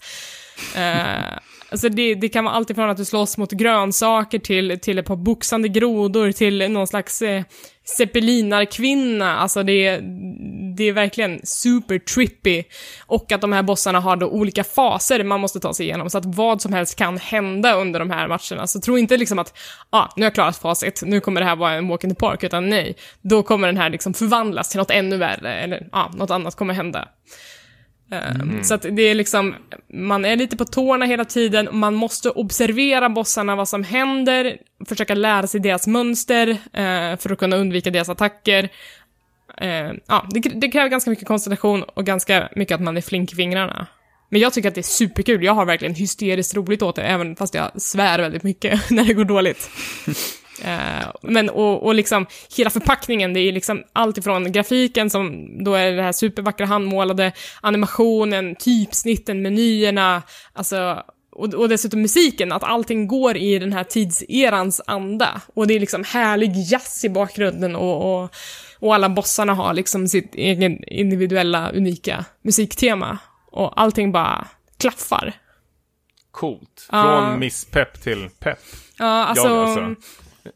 Det, det, är ju någon slags, alltså även om det inte är så här, det bästa spelet, så finns det, alltså jag har så otrolig respekt för hantverket i det här spelet, så att jag tycker att det är värt ett köp bara för att se hur, hur fantastiskt paketerat det här är och vilket, vilken omsorg som ligger bakom. Ja. ja, men det håller jag verkligen med Det ser ju otroligt snyggt ut. Så jag har ju tänkt på att om jag skulle liksom titta på någon playthrough. Men nu har du nästan sålt in det att jag ska till och med spela det fanns. Och jag tror inte att det är superkul att titta på när någon annan liksom failar på det här spelet. För att det, Nej, det kommer det vara så någon, mycket misslyckande. Jo, men det finns ju någon ihopklippt variant där de klarar Säkert. på. Ja, så jag, jag älskar ju animationer. Det ser ju hur snyggt ut som helst. Men jag var, var mer rädd för själva liksom spelandet. Att mm. det var, som jag, jag trodde var... det skulle vara i början. Att det var väldigt mycket göra om långa sträckor. Mm, jag var också rädd för gameplayet, att jag kände väl också kanske att jag inte var superpepp på att bara göra bossfighter liksom, men, men jag har jättekul.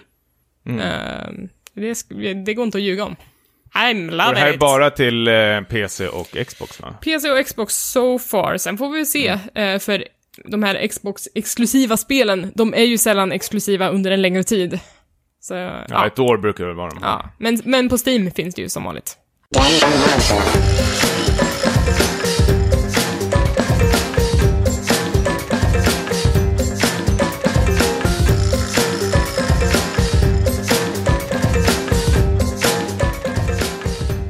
Tommy, ditt mest efterlängtade spel det här året var väl Persona 5?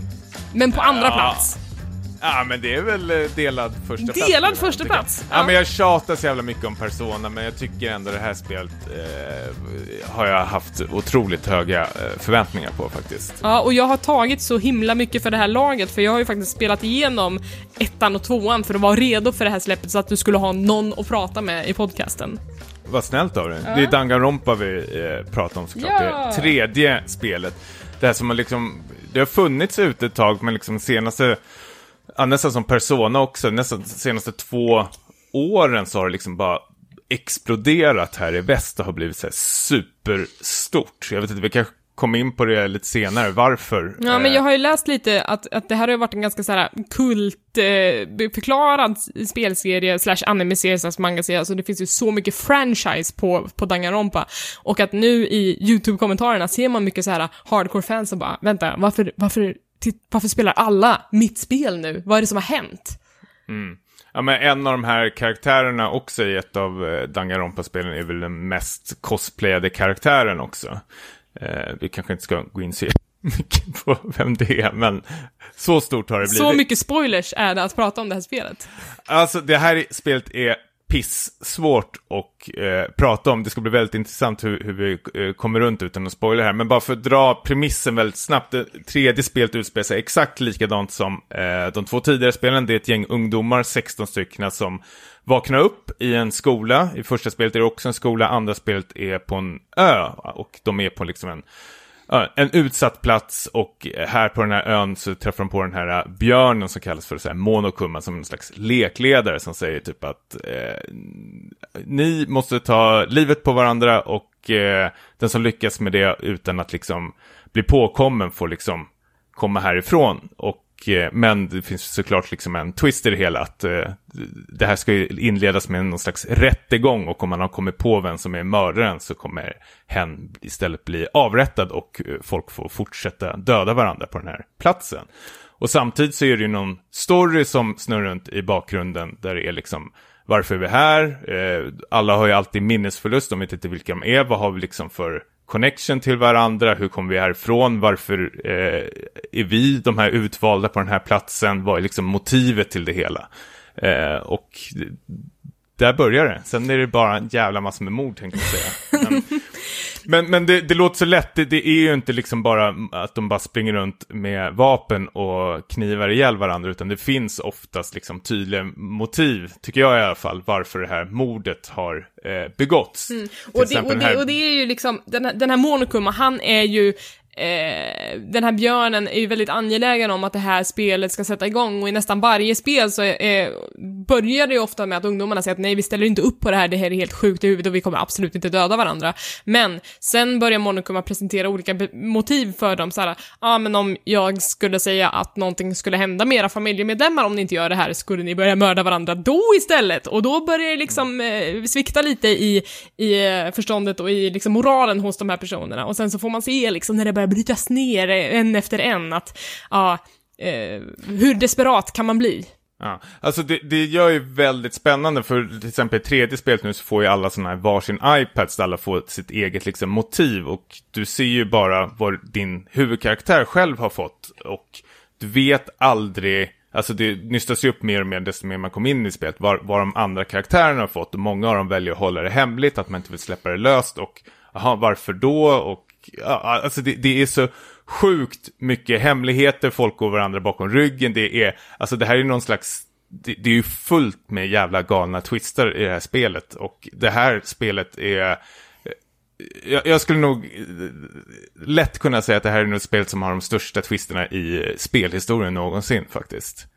Ja, det är, Ja, man vet Kojima aldrig. kan gå och lägga sig. Man vet aldrig vad som kommer hända härnäst, så mycket kan man väl säga. Men, men det här är ett väldigt japanskt spel, det är ju japanska skolungdomar, de har skoluniform, hela köret, eh, man kommer känna igen de här karaktärerna för att de är ofta väldigt extrema karikatyrer på de här anime-tropesen som man, som man känner igen från, från japansk nördkultur. Eh, de har alla en varsin förmåga, som, som de liksom är bäst i världen på, så att det är liksom en... Och det är så sjuka förmågor alltså. De heter nu Ultimate någonting någonting. Så liksom huvudkaraktären du spelar i det här spelet är liksom Ultimate Pianist. Pianist. Och det är så här, what? Men det är också så här, efter tre spel så märker man också att nu vet de inte riktigt vad de ska hitta på längre. Ja, har du spelat klart? Eh, nej, inte, inte än, men, men om jag tittar på de förmågorna som, som jag har sett i alla fall så är det lite såhär, ah, the ultimate anthropologist. Man bara, Ja, det va? är så klockrent. Men eh, jag, jag vet, alltså det är det också jag gillar med det här spelet, att det är väldigt mycket sådana här frågetecken. Så här, va? Varför gick ni den här vägen? Varför valde ni så? Varför har de här ultimates? Vad vad- var det bästa ni kunde komma på? Jag tycker alltid att eh, eh, Koda- Kodaka, alltså skaparen bakom den här Dangan-serien som har skrivit alla spelen, känns som att man alltid i stort sett har en liksom en förklaring mot slutet av spelet och liksom särskilt det här tredje spelet blir verkligen så här what shit nu när jag har klarat spelet och börjar läsa på så här forum och se vad andra har tyckt, det, det är en otroligt vattendelare vad folk har tyckt om det här eh, slutet. Många hatar det och tycker det är det värsta slut som någonsin finns och medan eh, resten verkligen tokälskar det. Det är ju otroligt provokativt slut och jag känner, det är ju samma sak med hans tidigare spel också, att det är väldigt liksom plötsliga, konstiga eh, och sjuka twistande slut. Men samtidigt så får du no någorlunda liksom relativ förklaring. Du får en closure är på det mesta som har hänt. Även Ja, om det inte alltid är verkligen. rimligt. Ja, eller vad tänker du på något särskilt? Jag tycker eller? inte att det är ri- rimligt generellt att de är i någon slags mördarlek. Det är väl orimligt. Alltså premissen i sig är orimlig och då blir ofta förklaringen också relativt orimlig. Ja, att de, att de går så långt tänker du på. Ja. Alltså allt är väldigt extremt i det här spelet, så att det finns ju Alltså, ingen realism det- bakom det. Nej, nej, det, det, är fiktion. Eh, Men jag känner att det är väl det spelet leker med också, eh, samtidigt med de här stereotyperna. Alltså det är, för det första är det liksom, de ska baka in så sjukt mycket eh, popkulturella referenser. Alltså det slängs konstant. Alltså det är allt från liksom Spirited Away, Alien, James Cameron. Det är så sjukt mycket referenser som säkert flyger över huvudet på mig hela tiden. Men det ska ju skämtas och dras vitsar hela tiden och samtidigt gör de det om de här stereotyperna. Vissa funkar, vissa är jättebra, vissa är så här, okej det där var verkligen slag under bältet faktiskt. Eh, oftare än eh, man skulle vilja att de gör faktiskt. Men om vi backar Ibland. tillbaka lite grann, för att lyssnarna Mm. kanske inte har en koll på vad, vad det här spelet går ut på. Alltså, vi har premissen klar för oss, men hur spelar man det här spelet? Ja, men det är ju i grunden botten ett eh, Vision Novel-spel. Det är väldigt eh, textbaserat, men mitt i det här spelet, efter man har liksom så här, gått runt och investigatat det här mordfallet, så liksom vänds spelreglerna och helt plötsligt blir det någon slags här, Phoenix Wright grej. Det blir en rättegång där du ska liksom konfrontera dina klasskamrater, du ska lägga upp bevisen, du ska liksom skjuta ner argument. Det, de har slängt in lite nya eh, teknik i det här spelet. Du kan ljuga, kan du göra. Eh, dina motspelare kan få så här, panikattacker där alla liksom börjar prata i mun på varandra och då ska du liksom så här, börja fokusera på vem som eh, du egentligen ska lyssna på och bryta ner eh, hens argument och så vidare. Och så En, vidare. en favorit för mig är den eh, split opinion, det är den enda jag får ett riktigt flyt i, när i princip hela rättssalen delar sig i två olika åsikter. Ja, eh, och herregud är eh, man börjar alltså. liksom argumentera person mot person hela tiden. Och då måste Mm. du, då börjar den ena sidan med att presentera ett argument, varpå din sida måste hitta ett nyckelord i det argumentet och presentera ett motargument som du då får bläddra emellan. Mm. Och det måste man vara ganska snabb på. Ja, alltså när första gången, jag som har spelat de två tidigare spelen så har det väl varit nu ett ett och ett halvt, två års uppehåll för mig. Och så ska jag kasta mig in i den här känn och säga, jag har kontroll på läget. Och så kommer den här jävla kontrollen fram när de säger, så här spelar du typ rättegången och det är typ så här 40 knappar känns det som. Alltså det här tutorial-grejen, hur de liksom får in spelaren i början i alla fall kände jag att var verkligen inte lyckat. Jag var så här, äh, vänta, vilken knapp skjuter jag med? För man ska skjuta ner argumenten, det är en viss knapp för det. Man kan spola tillbaks tiden, eller sakta ner tiden och versa. körde inte du ettan och tvåan med handkontroll? Jo, det gjorde jag, men det är ju inte så att jag kommer ihåg Nej, att liksom, okej. trekant skulle du skjuta med sånt där. Så det, det tog lite tag att få upp det där. Men sen rullade det på rätt så bra, faktiskt. Eh, vad ska vi prata mer om? Alltså, Ja, en annan av de här argumentationsteknikerna är en som heter eh, Psych Taxi och den är jag inte helt okej med. Eh, så här, Danganronpa-spelen, eh, ibland så, alltså, rent som ett japanskt spel så är det sexistiskt. Alltså, man kommer inte undan det. Eh, kvinnor behandlas verkligen på ett visst sätt i det här spelet och eh, ja. Det är ju Vissa- trosor som ska upp i skärmen. Ja, ja, ja. Och gånger. eh, det var väl mest extremt i det andra spelet då, då det var en, en karaktär som utsattes i väldigt så här, sexuellt provocerande situationer hela tiden, eller förnedrande för, för henne såklart. Mm. I det här spelet så har de tonat ner det lite grann, men nu har de den här delen i Psych Taxi där du ska typ köra en, en taxibil för att så här, göra någon slags logisk slutsats i, i rättegången. Eh, och i slutet av den här taxifärden så ska du köra på eskortflickor som står mitt i gatan. Du, egentligen ska du plocka upp dem, men du kör på dem som är att du liksom smäller till deras kroppar med taxin innan de Är flyger det in i taxin. eskortflickor? Ja, ja, det, det, det presenterades i tutorialen. Eh, you have to pick up these escorts.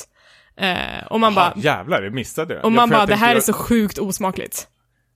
Ah, för jag körde arkadläget först för man får liksom provköra och sånt innan. Och då var det ju killar och tjejer man körde på. Mm. Eh, jag måste bara tryckt förbi det där eskortgrejen, men om det stod det, då är det verkligen... Eh, ja. Ja, alltså det är ju GTA, det är ju GTA-varning på det liksom, att du ska bara köra på eh, prostituerade i princip. ja, och det är det här lite som är problemet med Danganronpa, att man märker väl att de vill provocera och leka med liksom stereotyper, men liksom de lyckas inte alltid lika bra eh, hela tiden. Det blir väldigt liksom, eh, ja, återigen, det blir väldigt mycket slag under bältet känns det som ibland. Mm, alltså- här, där, vi förstår att, det här var, att ni försöker skämta här, men det, tyvärr, det flyger inte så jättebra. Alltså, det, det är som att jag känner mig kanske inte som att jag är målgruppen för det här spelet alla gånger. Jag tror att hade jag varit liksom en, en 15-årig weeaboo, som jag var en gång i tiden, det vill säga en sån där super-Japan-fantast och man var tonåring och man var så här rebellisk och man trodde att man liksom visste allt om världen och man tycker att så här 4chan är ett coolt socialt experiment. Då tycker man att Danganronpa är klockrent i sin analys av vad människor gör mot varandra. Men, men för mig så blir det ofta att vissa saker går för långt eller inte har tillräckligt mycket finess för att bli, för att bli roliga eller tankevärda, tankeställande liksom. Um, Ja, alltså det blir, ju- det blir pubertalt vissa gånger. Att jag, Ja, mm, jag känner verkligen. inte att jag är målgruppen alla gånger. Det håller jag med om. Alltså, och det är ju både högt och lågt i det spelet, men jag tycker att när det slår väldigt högt, alltså rättegångarna är ju mest därför jag spelar spelet. Jag tycker de är otroligt bra regisserade, den här technomusiken som går på i bakgrunden, allting liksom pulserar så otroligt bra. De får ett sånt otroligt regisserat tempo i det i, under rättegångsperioden och det kan, de kan vara helt episka. Vissa kan väl sträcka sig liksom till tre timmar och jag tröttnar inte alls. Jag tycker det är hur spännande som helst och väldigt, väldigt välskrivet. Men när de ska ha sina de här cheesy dialogerna med varandra, eller man ska lära känna en karaktär, eller man kommer på en karaktär som gör någonting, då kan det bli väldigt så här obscent och väldigt så här, men herregud, det här vill jag verkligen inte se. Alltså jag gillar, det jag gillar med Danganronpa bäst är när det liksom är influerat av Agatha Christie-novellerna, vilket det tydligen är. Då älskar jag det otroligt mycket. Alltså när ett mord drar igång, det är hur spännande som helst. Men när de ska hålla på och Eh, ja, vad gör de? Snuskprata med varandra. Alltså öppningen och spelet, då håller de på att prata om typ boner i typ ja, 20 minuter eller något liknande. De håller på att tolka ordet stånd och, och fram och tillbaks. Och det är så här, ja okej vi fattar. Det, fortsätt. Ja, och det blir också så här att jag kan uppskatta att man typ såhär, jaha, nu var det ett snuskigt skämt, men ibland så går, mm, det finns en karaktär som liksom är, hon är väl någon slags nymfoman, eh, och när hon försöker göra sexuella anspelningar så blir det alltid så himla grovt, det blir liksom vulgärt, så man bara, men gud, vad, liksom, du behöver inte säga det rakt ut, du kan ju bara insinuera det så är det fortfarande roligt, men du behöver inte liksom, mm, Men hon har någon slags här Tourettes, hon kommer på sig själv samtidigt. Så här, äh, va, förlåt? Jag vet, jag gillar det. Mew tänker du på. Ja, ja, hon är rolig, alltså för att, ja, Hon hon, hon är liksom blandat supervulgär med så här superosäker, så att ja, eh, hon- är ganska rolig i sig, men ibland så bara, men holy shit, vad är det hon säger liksom? Men det, det som är intressant med det här spelet också är att man alltid, inte blir alltid blir liksom så skriven på näsan hela tiden vad de här eh, personerna har för, även för liksom sexualitet. Det finns liksom eh, homosexuella, det finns bisexuella, det finns lesbiska karaktärer. Men det är inte liksom så att de skriker rakt ut att liksom, det här är jag, utan det är sånt du får liksom läsa mellan raderna oftast, vilket gör det väldigt så här, intressant och kul och för att vara japansk så kan jag inte komma på så jättemånga japanska spel där de eh, försöker inkludera eh, ja, hbtq-personer. Nej, och inte liksom göra en stor sak av det, utan det är så här, om du märker det Ja, så men- märker du det. Om det inte gör det så Precis, och spelar där det ingen tycker roll. jag de lyckas väldigt, väldigt bra. Och det är det, det som har liksom uppskattats av många eh, fans som har, eh, gillar de här karaktärerna. Att de kanske inte skriker rakt ut, utan att det blir lite deras eh, he- hemlighet, vet jag inte. Men att de inte, ja, Mm. gapar det rakt ut. Eh, så det gör de otroligt bra tycker jag. Men återigen, det är pubertabelt kan det vara jättemycket bra. Men fuck, alltså förlåt, men vilka jävla twister i det här spelet alltså. Det är det det gör bäst nästan tycker jag. Det är otroligt välskrivet ibland tycker jag. Eller oftast, om man tänker på just twist-akterna.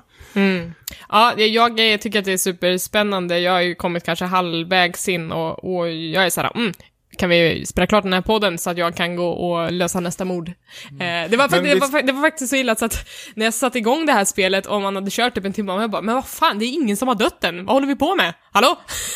Ja, Alltså efter tre spel så blir man ganska så här impatient, jag, jag orkar inte höra på det så här gnäll om att åh nej men jag kan inte mörda någon, man bara sätt igång och mörda varandra, det är det jag är här för. Ja, det är också en nackdel med det här tredje spelet. Nu när man spelar två spel så vet ju vi erfarna spelare liksom vad det kommer liksom barkas åt. Men ändå så är det liksom en prolog på säkert två, tre timmar. Där de liksom bara springer runt så här. Nej men jag, jag, är oskyldig, jag tänker inte göra någonting. Vi bara, kom on. Det kommer flyga kroppar om några Man timmar. bara, lilla gumman, du kommer att dödas någon snart. Eh, men, men hur känner du så här, kan man som ny spelare komma in i Danganronpa 3, eller bör man ha spelat ettan och tvåan först? Man måste ha spelat ettan och tvåan. Jag vet inte, de gick ut med att det här skulle vara ett fristående spel eh, utan att spoila någonting alls så säger jag bara nej rakt av. Det här är... Eh, du kommer få så otroligt mycket ut av det här spelet om du spelar de två tidigare spelen faktiskt. Eh, a- första och andra spelet knöt ju ihop säcken eh, med animen som släpptes efteråt där man fick lite, lite mer svar på frågorna och sånt där. Och det känns liksom som ett klart kapitel. Och det här tredje spelet skulle då bli helt nytt och fristående. Men jag, det, jag, som sagt, du har inte spelat klart det och det finns säkert folk som vill spela det, så jag tänker inte säga, du och jag får nästan ha någon slags här spoiler-del, för det finns så otroligt mycket, särskilt, om jag bara säger så här ett första akten, liksom, Ja, mm. bara det, Det- vill det man finns, eh, det bryta ner och. Mm. prata om så otroligt mycket. Ja, faktiskt. Men, men eh, vi måste ju lämna det här nöjet lite grann åt lyssnaren också. Niklas, vad känner du inför Danganronpa? Ja, eh, jag, jag känner igen den här med, med den här prologdelen som ni pratade om nu här. För jag, det var, jag, jag gav första Danganronpa en, en chans eh, när det var ganska nytt, tror jag. Um, men jag, jag var ganska frustrerad av det här eh, liksom, långsamma tempot i upptakten. Och jag vet inte om det är för att jag, jag gillar kanske inte visual novels eller så är det kanske Danganronpa jag har svårt för, jag vet inte. Men om, om man jämför med till exempel Persona 5 som eh, också har väldigt mycket liksom text och eh, exposition och så, så tyckte jag att det spelet eh, ändå backade upp det med lite roliga spelmoment. Nu kom jag i och för sig inte endast till eh, första rättegången i Danganronpa, så jag vet inte. Men eh, jag kände just det här liksom miljöerna däremellan var ganska så här, de här korridorerna var ganska så här trå- tråkiga, platta och utforskade. Och det är de alls. fortfarande, men tacka Ja. gud, de har fast travel nu. Okej, ja. Ja, det- har de alltid haft. Okej. Men eh, det är otroligt lätt att ta sig. Det är ju inte så jättestor yta man ska ta sig igenom. Och, och det är som du säger, det är fast travel. Det finns också som jag använder i stort sett hela tiden faktiskt. Eh, och ska man ju dejta folk. Ja, det kan man också göra. Du har ju dina free times där du kan lära känna personen bättre. Precis som i Persona. Ja, precis. Men det, jag, jag vet ju Niklas att du gillar Twister och om du spelar Danganronpa, särskilt när det är tredje spel, så kommer du... Ja, det, det är... Kan man säga Kojima-klass? Jag har inte spelat ett Kojima-spel, så jag kan inte backa dig här. Nej, men jag tänker särskilt på eh, Metal Gear Solid 1 och eh, 2 som har väldigt så här, finurliga eh, twister i sina spel faktiskt. Eh, Danganronpa eh, är ju minst samma eh, nivå som de två spel. Jag, jag skulle säga att det här tredje spelet är ännu högre faktiskt. För min, del Tusen så, gånger. för min del så är det ofta så att jag har, alltså när man har gått igenom rättegången till halvvägs, man bara, jag har fortfarande ingen aning om vem som gjorde det. Eh, så att det blir spännande liksom. Ja, och ibland har man, eh, eller jag har känt i alla fall att okej, jag tror jag har eh, nys om en som har gjort det, men liksom hur ska jag liksom bryta ner den här personen och hur ska jag liksom argumentera runt det? Mm, och hur fan gick det till? Ja, ja, precis. Det är det man är mest intresserad av. Och sen när man lägger upp alla de här pusselbitarna mot slutet så är det så här, wow, alltså jag älskar. Och så kommer den där Danganronpa-musiken in och det är så snyggt alltihop, alltså. Oh. Men är det här en av de bästa speltrilogierna någonsin då, Tommy, skulle du säga? Ja. Det är så? Faktiskt. Det har problem, precis som Elisabeth säger, eh, väldigt stora problem. Eh, men jag tycker som så här, jag, jag älskar Twister, jag älskar mordmysterium. Så just om man ska titta på bara de delarna så Ja, verkligen. Jag tycker det här är en eh, otrolig trilogi faktiskt. Mm, och även fast jag bara har spelat typ halva spelet av det sista eh, hittills, eh, så tycker jag också att det här är nog ett av de starkaste spelen i trilogin. Alltså, ja, eh, tvåan tyckte jag var mycket svagare än det här. Ja, jag, jag skulle säga trean är det bästa. Mm. I, mycket tack vare första och sista akten faktiskt. Mm, så att det, de eh, lyfter i kvaliteten. Mm. Bra betyg till Danganronpa mm. 3, och det heter alltså Danganronpa V3 Killing Harmony om man vill söka efter det eh, på diverse butiker. Hörni, jag tror att vi, vi avrundar här va? Eller vad säger ni? Ja, det gör vi. Mm. Det får vi göra. Vad eh, har vi planerat för nästa, nästa avsnitt? Jag har ju som sagt spelat Wise 8, så det vill jag prata om. Ja, just det. Då blir, det, då blir det mer japanskt. Eh, jag vet att Shadow of War kommer ut, vi får se om någon hinner sätta tänderna i det, för det är ju ännu ett RPG i längden, mängden av RPGs. Eh, sen har vi också The Evil Within 2, och det har du laddat för, Niklas. Ja, förhoppningsvis så blir det det. Jag har spelat ettan nu här senaste dagarna, så jag vill gärna spela tvåan också. Ja. Var ettan bra? Jag har helt och hållet hoppat det. var bra och dåligt på sina håll. Så ja, mer om det i nästa avsnitt då. Ja, Absolut. då har vi en hel del att prata om.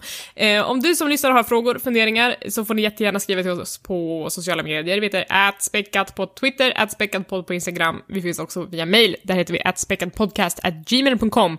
Eh, man kan recensera oss på iTunes. Eh, vi blir jätteglada om ni lägger en stjärna eller några ord om våran podd, för det hjälper oss att nå ut till fler lyssnare. Eh, man kan hitta podden på 2up.se eh, och på vår Tumblr. Mm. Mm. Var hittar man er?